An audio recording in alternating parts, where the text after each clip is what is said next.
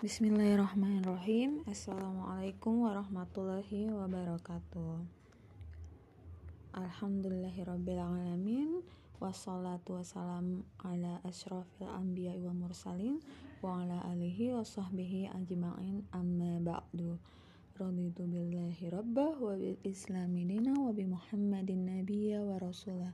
Rabbi dzikni ilma warzuqni fahma Rabbi sahri sadri wa yassir amri wa luqdatani lisani yafqalu qali. Alhamdulillahirabbil Segala puji bagi Allah atas segala rahmat dan nikmatnya. Kita bisa hadir lagi ya hari ini ya. Uh, berkumpul kembali setelah hampir dua bulan ya mungkin kurang lebih dua bulan.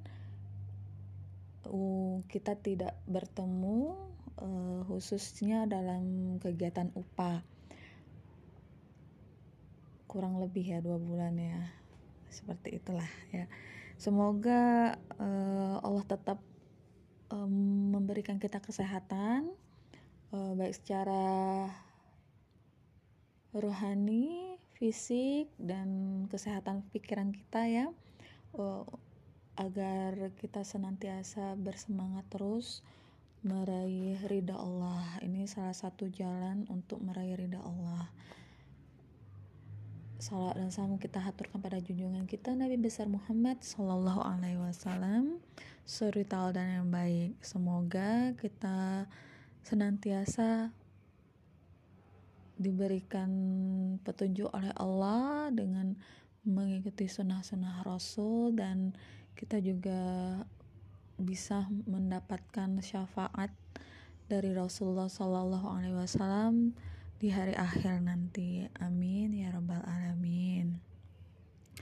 Ya pertama-tama Mbak ucapkan barakallah ya kepada teman-teman yang telah serius melaksanakan program Ramadannya. Alhamdulillah. Alhamdulillah uh, sudah Mbak lihat dari laporannya terlihat serius semuanya mengerjakan amal-amal yang sudah ditargetkan bersama-sama. Semoga uh, Allah berikan hadiah sebaik-baiknya hadiah dan selamat untuk teman-teman yang ada dua dua temennya ya yang mencapai target ya mencapai target dari targetan amal yaum Ramadan yang kita persiapkan kemarin. Ya barakallah. Untuk teman-teman yang lain Mbak ucapkan selamat. Barakallah. Alhamdulillah. Syukur alhamdulillah. Karena uh, insya Allah Ramadan tahun ini lebih baik dari Ramadan sebelumnya ya. Ramadan tahun ini udah lebih serius dibandingkan Ramadan sebelumnya. Semoga ini merupakan tangga langkah-langkah kecil kita untuk meraih Allah, ridha Allah Subhanahu wa taala. Barakallah ya teman-teman ya. Semoga semoga Ramadan tahun depan kita lebih baik lagi. Nah, hari ini insya Allah kita akan sama-sama belajar mengenai surat Atin ya. Surat Atin ini seperti yang sudah kita baca tilawahnya tadi terdiri atas 8 ayat surat ke-95 ya.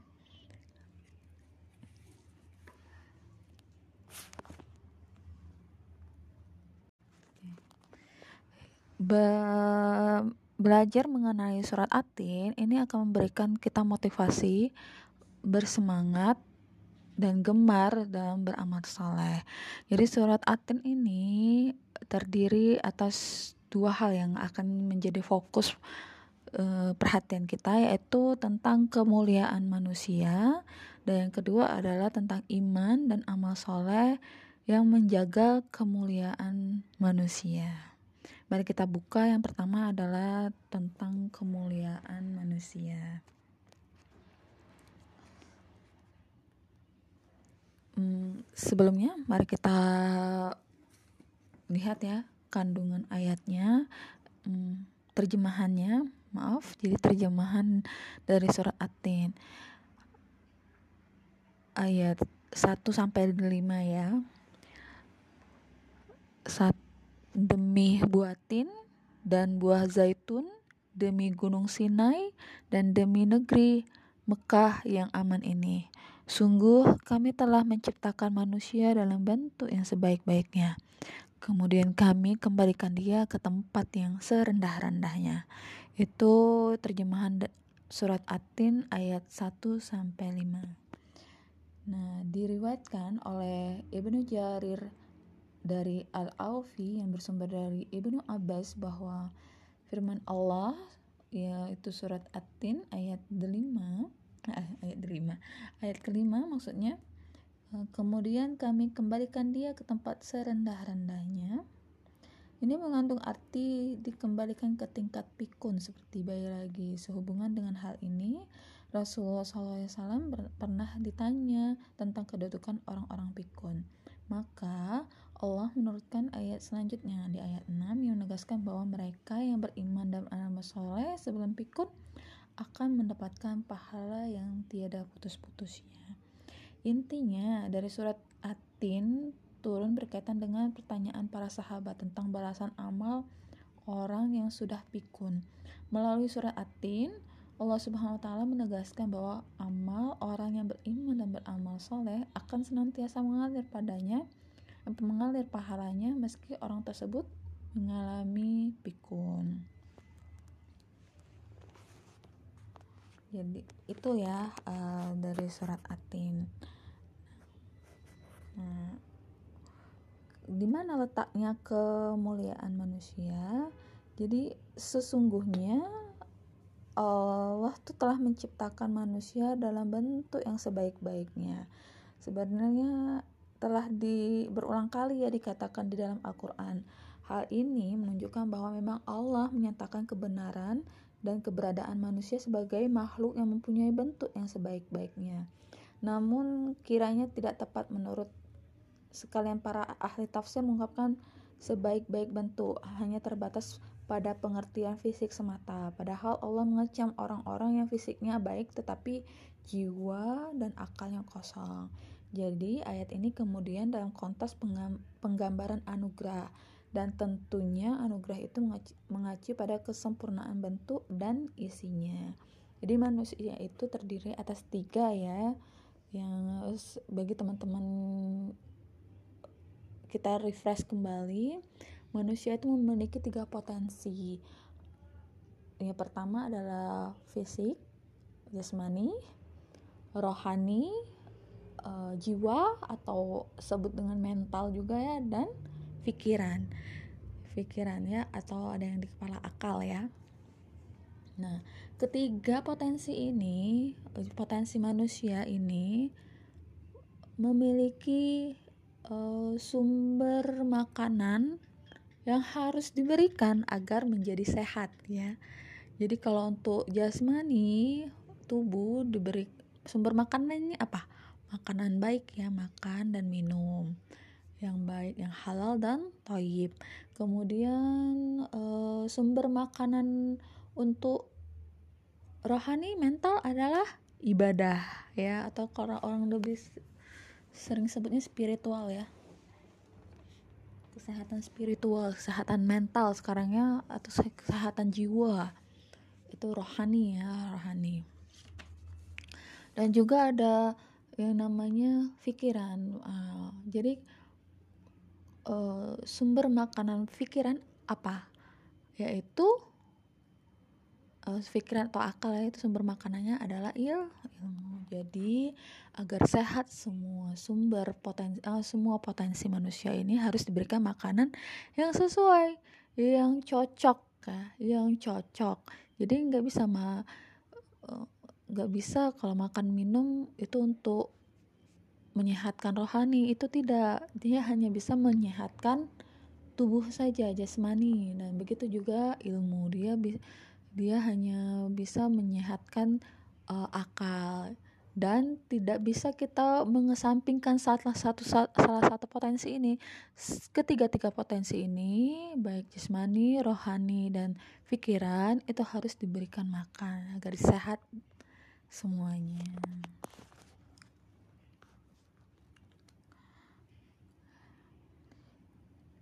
Nah, untuk membahas makna dari surat Atin, sedikit banyak kita akan mengetahui dan membenarkan bahwa manusia itu adalah makhluk yang memiliki bentuk sebaik-baiknya secara fisik dan tentunya non fisik ya atau isi pada manusia.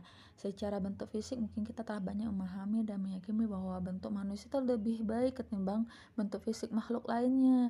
Namun secara isinya sendiri apa yang membuatnya menjadi makhluk yang dikatakan paling sempurna Nah, yaitu adalah akal. Iya, benar. Jadi di ayat pertama Allah bersumpah dengan menggunakan nama buah yaitu buah tin dan zaitun yang banyak memiliki manfaat atau potensi sebagai isyarat bahwa manusia diciptakan memiliki banyak potensi untuk dapat memberi manfaat. Situ tujuannya manusia itu tujuannya diciptakan oleh manusia eh, diciptakan oleh Allah maaf ya diciptakan oleh Allah adalah untuk beribadah dan menjadi khalifah. Nah pemimpin ya pemimpin uh, di muka bumi maksudnya itu sesuai dengan petunjuk yang diberikan oleh Allah Subhanahu wa taala. Eh, sesuai dengan uh, sesuai dengan hukum-hukum yang ditetapkan atau aturan-aturan yang ditetapkan oleh Allah Subhanahu wa taala sehingga kehidupannya seimbang. Ya, jadi e, bahwa bumi ini diham, dihampaskan eh salah bukan dihempaskan ya, dihamparkan e, untuk manusia agar kita bisa mengambil manfaatnya sebaik-baiknya tanpa tanpa meninggalkan musibah untuk manusia itu sendiri. Nah, salah satu potensi besar manusia yaitu ditunjukkan pada ayat kedua yaitu Allah bersumpah atas nama sebuah tempat yaitu Bukit Sinai tempat Nabi Musa memberi menerima wahyu dari Allah. Hal ini bisa ditafsirkan bahwa manusia memiliki potensi untuk mendapatkan petunjuk dan mengembangkan petunjuk tersebut Ayat kedua ini juga menyampaikan pesan bahwa manusia diciptakan Allah dalam bentuk fisik dan psikis ya yang sebaik-baiknya. Sehingga apabila manusia bisa mengikuti petunjuk Allah dan memanfaatkan dengan modal potensi yang manusia miliki maka manusia akan bisa bertahan dan bahkan mengatur dunia hingga hidup bahagia dunia dan akhirat dan jelas dan jelas dijelaskan dalam ayat ketiga dan demi kota Mekah ini yang aman.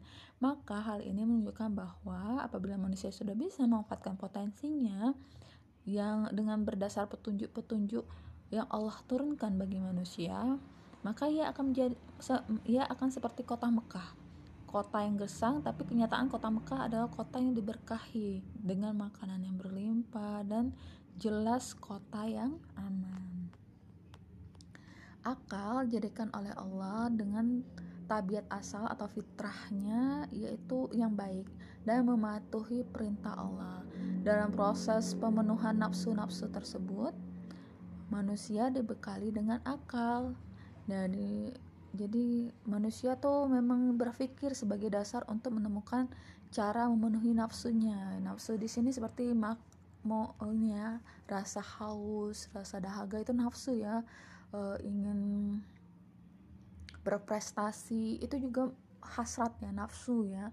Terus uh, uh, apa pun um, kalau tidak diimbangi dengan akal nafsu uh, dalam memenuhi nafsu tadi keinginan-keinginan kita tadi keinginan pribadi kita tadi malah akan mencelakakan kita. Misalnya ingin kaya kan ingin kaya ya. Atau uh, ingin makan tapi karena tidak menggunakan akal malah mencuri ma mencuri ya menggunakan segala segala cara untuk agar bisa makan. Uh, misal mencuri dengan cara-cara yang salah ya mencuri misalnya. Nah itu tadi pikiran pikiran itu akan memberikan uh, petunjuk bahwa uh, kalau mau makan uh, dengan cara cara yang baik adalah dengan cara ber bekerja pikiran akan mengontrol uh, perilaku kita untuk memenuhi nafsu kita. Seperti itu maksudnya ya.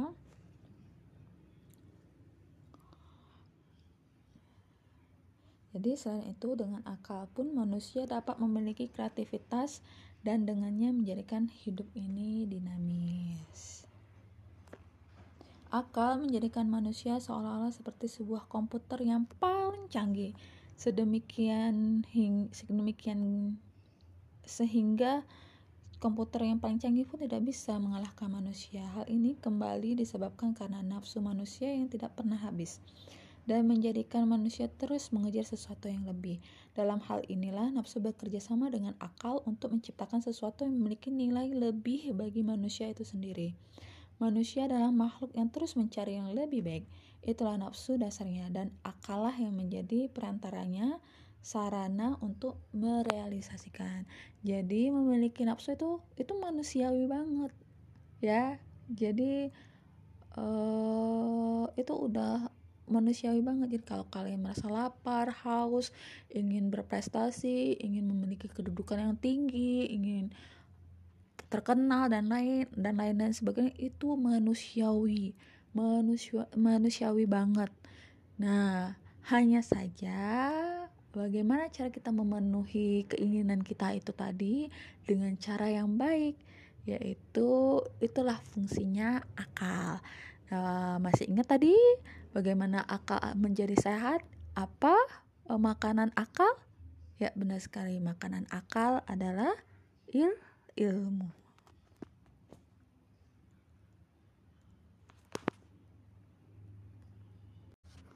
Baiklah, selanjutnya ya. Jadi Atin ini mengajarkan kita untuk gemar beragama soleh. Nah, yang menjadi fokus bahasan kita adalah yang pertama itu kemuliaan manusia dan kedua adalah iman dan amal saleh menjaga kemuliaan manusia. Nah, kemuliaan e, manusia itu tadi dari tiga potensi yang Allah berikan tadi, jasmani, ruh, dan akal.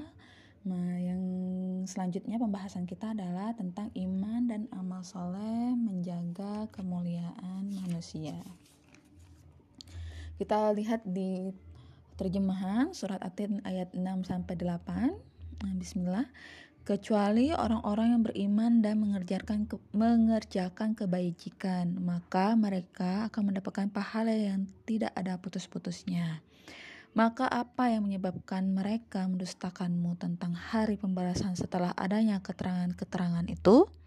Bukankah Allah hakim yang paling adil? Nah, jadi pada ayat ke-6 eh, Allah berfirman kecuali orang yang beriman dan mengerjakan amal saleh maka bagi mereka pahala yang tiada putus-putusnya. Kata iman bisa juga diartikan pembenaran, pembenaran atas adanya Allah. Eh, manusia yang sudah dikembalikan ke, ke dunia telah tertutup penyaksiannya terhadap Allah. Maka ia akan maka yang ia ketahui hanyalah dunia yang rendah ini.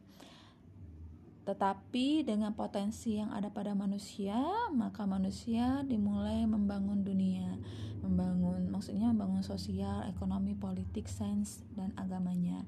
Sehingga kemudian dari tugasnya sebagai khalifah yang membangun dunia dengan alat uh, keinginan nafsunya, keinginan atau nafsunya, akal dan hatinya dan berkolaborasi bekerja sama dengan tugasnya sebagai hamba Allah yang dituntut untuk beribadah maka manusia akan menemukan iman atau pembenaran atas adanya Allah dan hari akhir sebagai tujuan hidupnya.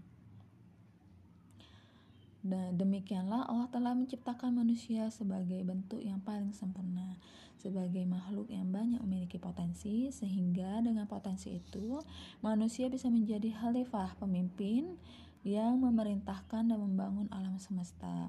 Manusia mencapai tingkat setinggi-tingginya apabila bisa mengkolaborasikan tiga elemen potensi yang ada pada dirinya.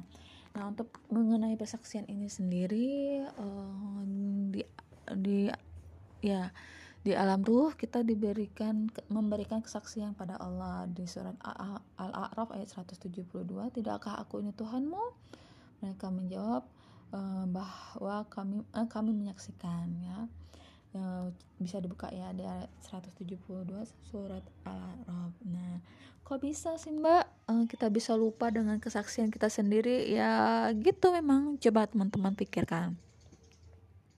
Uh, teman-teman uh, merasa yakin atau tidak uh, sebelum SMA pernah mengalami menjadi bayi?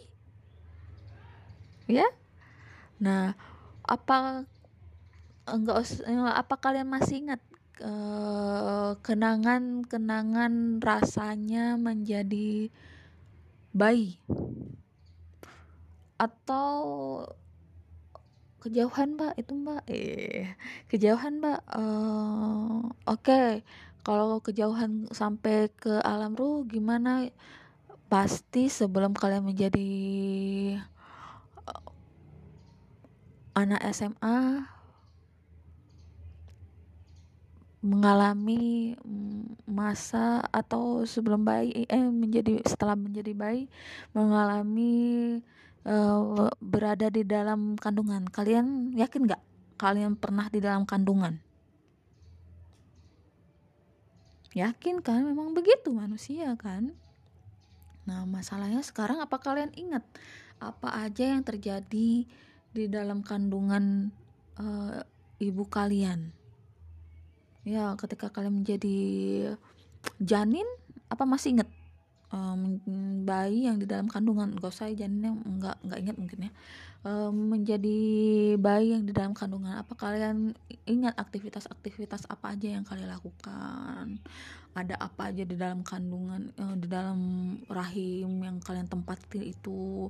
Apa perasaan kalian bagaimana? Tidak ingat kan? Iya, jadi wajar kita tidak ingat, tapi kita tidak bisa tidak bisa mengingkari dan kita harus meyakini bahwa di dalam di alam ruh kita telah memberikan kesaksian bahwa Allah sebagai Tuhan kita. Nah, challenge-nya uh, apa ya? Tantangannya kita udah diberikan oleh Allah kesempurnaan potensi itu tadi jiwa raga uh, akal untuk mempertebal keyakinan kita iman kita apa yang telah Allah uh, sampaikan melalui Al-Quran dan Sunnah Rasul itu tadi.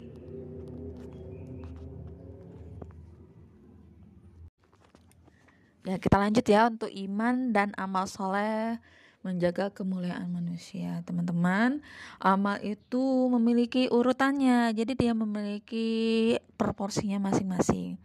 Misal nih kerja dan sholat duha itu sama-sama ibadah ya, sama-sama ibadah. Nah, di dalam ibadah ini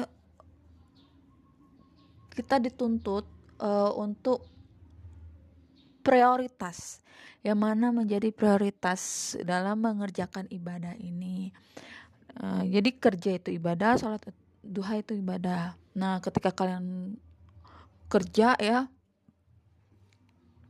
atau berdagang misalnya oh ini sedang rame-ramenya. Ini atau waktu kerja jam kerja misalnya nih. Kok kerjaan nggak habis-habis ya? Atau dagangannya sedang laris-larisnya?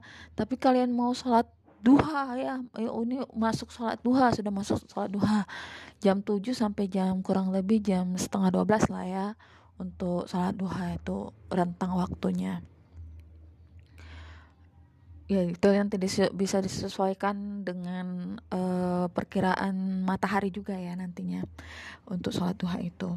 Nah teman-teman uh, buru-buru langsung sholat duha. Jadi ketika kerja sedang padat-padatnya atau ketika lagi uh, jualan konsumen sedang banyak-banyaknya, sedang laris-larisannya, dagangnya langsung tutup ya. Itu kan nggak enggak banget ya maksudnya itu itu kurang bijaksana. Jadi uh, tidak memberikan prioritas. Uh, padahal uh, sudah diberikan rentang waktu. Misal kerjanya jam 8 atau ada jam istirahat. Nah gunakan uh, sunnahnya menjalankan ibadah sunnahnya di waktu-waktu yang uh, tepat Nah, uh, jadi semua bisa kita siasati asal kita bisa manajemen waktunya yang baik seperti itu ibadah itu ya. Mana lah seperti ketika uh, tahajud. Uh, jadi sholat tahajud bangun tahajud karena ada inginnya. Tapi uh, setelah tahajud tidur dan sholat subuhnya dirapel dengan sholat duha kayak gitu kan. Itu kan keterlaluan teman-teman. Um, mengerjakan sunnah tapi mengesampingkan wajib. Nah, mengerjakan sunnah itu tidak tidak salah ya. Uh, itu dianjurkan. Nah hanya saja uh, melewatkan atau mengesampingkan yang wajib itu sangat sangat fatal sangat ya sangat keliru ya ibaratnya kayak uh, ibadah wajib itu adalah makanan pokok dan ibadah sunnah itu adalah snack. Nah, kita malah memilih makan snack nih dibandingkan makanan pokok. Padahal yang diutamakan adalah makanan wajibnya dulu, makanan pokoknya. Baru uh, bisa makan snack. Nah, karena yang itu yang lebih diutamakan. Jadi amal itu ada urutannya, ada prioritasnya. Nah, bagaimana cara bisa mengetahui uh, prioritas ini yaitu tadi diperlukan ilmu. Nah, dalam uh, menurut Imam Haris Al-Mutami Mutanita Muhanita uh, di antara godaan setan itu adalah membolak-balikan urutan ibadah. Uh, urutan amal ya, membolak-balikan urutan amal.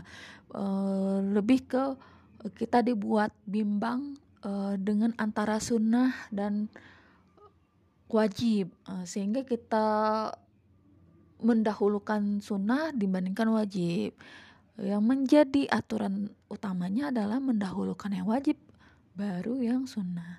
Tidak ada salah mengerjakan yang sunnah. Itu baik. Hanya saja urutannya harus disesuaikan dengan sebenar-benarnya urutannya itu mendahulukan wajib baru yang sunnah. Ya teman-teman. Ya, untuk bisa mengetahui urutan ibadah yang benar itu gimana, ya itu tadi diperlukan ilmu. Nah, seperti kita nih misalnya nih ya. Jadi informasi itu tuh ada konteks dan ada porsinya masing-masing. Misalnya di Google kan kita punya informasi Google tuh menyediakan informasi banyak nih. Misalnya kita lagi pusing nih penyebab pusing hmm, penyebab pusing penyebab pusing apa ketiknya nah, nanti di muncullah wah Google itu ya penyebab pusing pertama bisa disebabkan karena stres kedua bisa menyebabkan um, bisa disebabkan karena jantung bisa disebabkan karena diabetes ada atau darah tinggi atau bisa juga disebabkan karena darah rendah. Nah itu kan muncul uh, informasi seperti itu. Sehingga membuat kita membuat orang yang tidak tahu uh, akan informasi itu kan dibuat stres. Jangan-jangan oh mikir ya jangan-jangan aku pusing ini gara-gara sakit jantung. Jangan-jangan aku pusing ini gara-gara stres. Padahal informasi itu tuh kan ada porsinya masing-masing. Ada konteksnya masing-masing. Tidak mungkin seluruh orang pusing itu disebut dengan orang stres ya. Atau orang pusing itu di e, dikatakan orang punya sakit jantung. Enggak dia ada porsinya masing-masing. Makanya dalam ilmu itu diperlukan uh, guru untuk menuntun ilmunya. Sama seperti informasi tadi diperlukan dokter. Ya, untuk menuntun bahwa oh kalau kamu pusingnya bukan karena stres, bukan karena sakit jantung, bukan karena diabetes, tapi ternyata kurang makan. Kan seperti itu. Untuk bagaimana bisa kita tahu kalau kita tuh kurang makan atau enggak? Itu tadi kan diperlukan gu guru yang membimbing tadi yang lebih berkompeten terhadap ilmu itu sendiri. Nah sama ibaratnya kayak kita beragama ya e, menjalankan perintah Allah itu tadi. Misalnya hukum A ini apa ya? Hukum melakukan B itu apa ya? Jadi kita search di Google kayak gitu kan ya. Kita nggak ngerti nih uh, bahwa ternyata uh, para imam imam imam mazhab itu memberikan memberikan fatwanya itu ada konteksnya, ada porsinya, ada ketentuan waktu, ada syaratnya tertentu. ya tidak semua yang kita uh, baca itu sesuai dengan pemahaman kita enggak ini ada alasannya kenapa munculnya hukum A B C alasannya apa oh munculnya hukum A B C ini karena dulu tuh kenapa kejadiannya bagaimana uh, situasinya seperti apa maka munculin uh, muncul hukum A B C nah ketika zaman sekarang uh, di konteksnya seperti apa. Jadi misal kayak tayamum nih teman-teman. Ternyata tayamum ya, jadi kalau mau ber kalau sholat kan harus membersihkan diri kan. Ada dua cara kan. Caranya adalah uh, berwudu dan kalau tidak berwudu itu tayamum bayangkan kalau jika orang yang Eh, bertayamum langsung memilih tayamum tidak langsung memilih untuk berwudu dulu. Padahal yang diutamakan adalah berwudu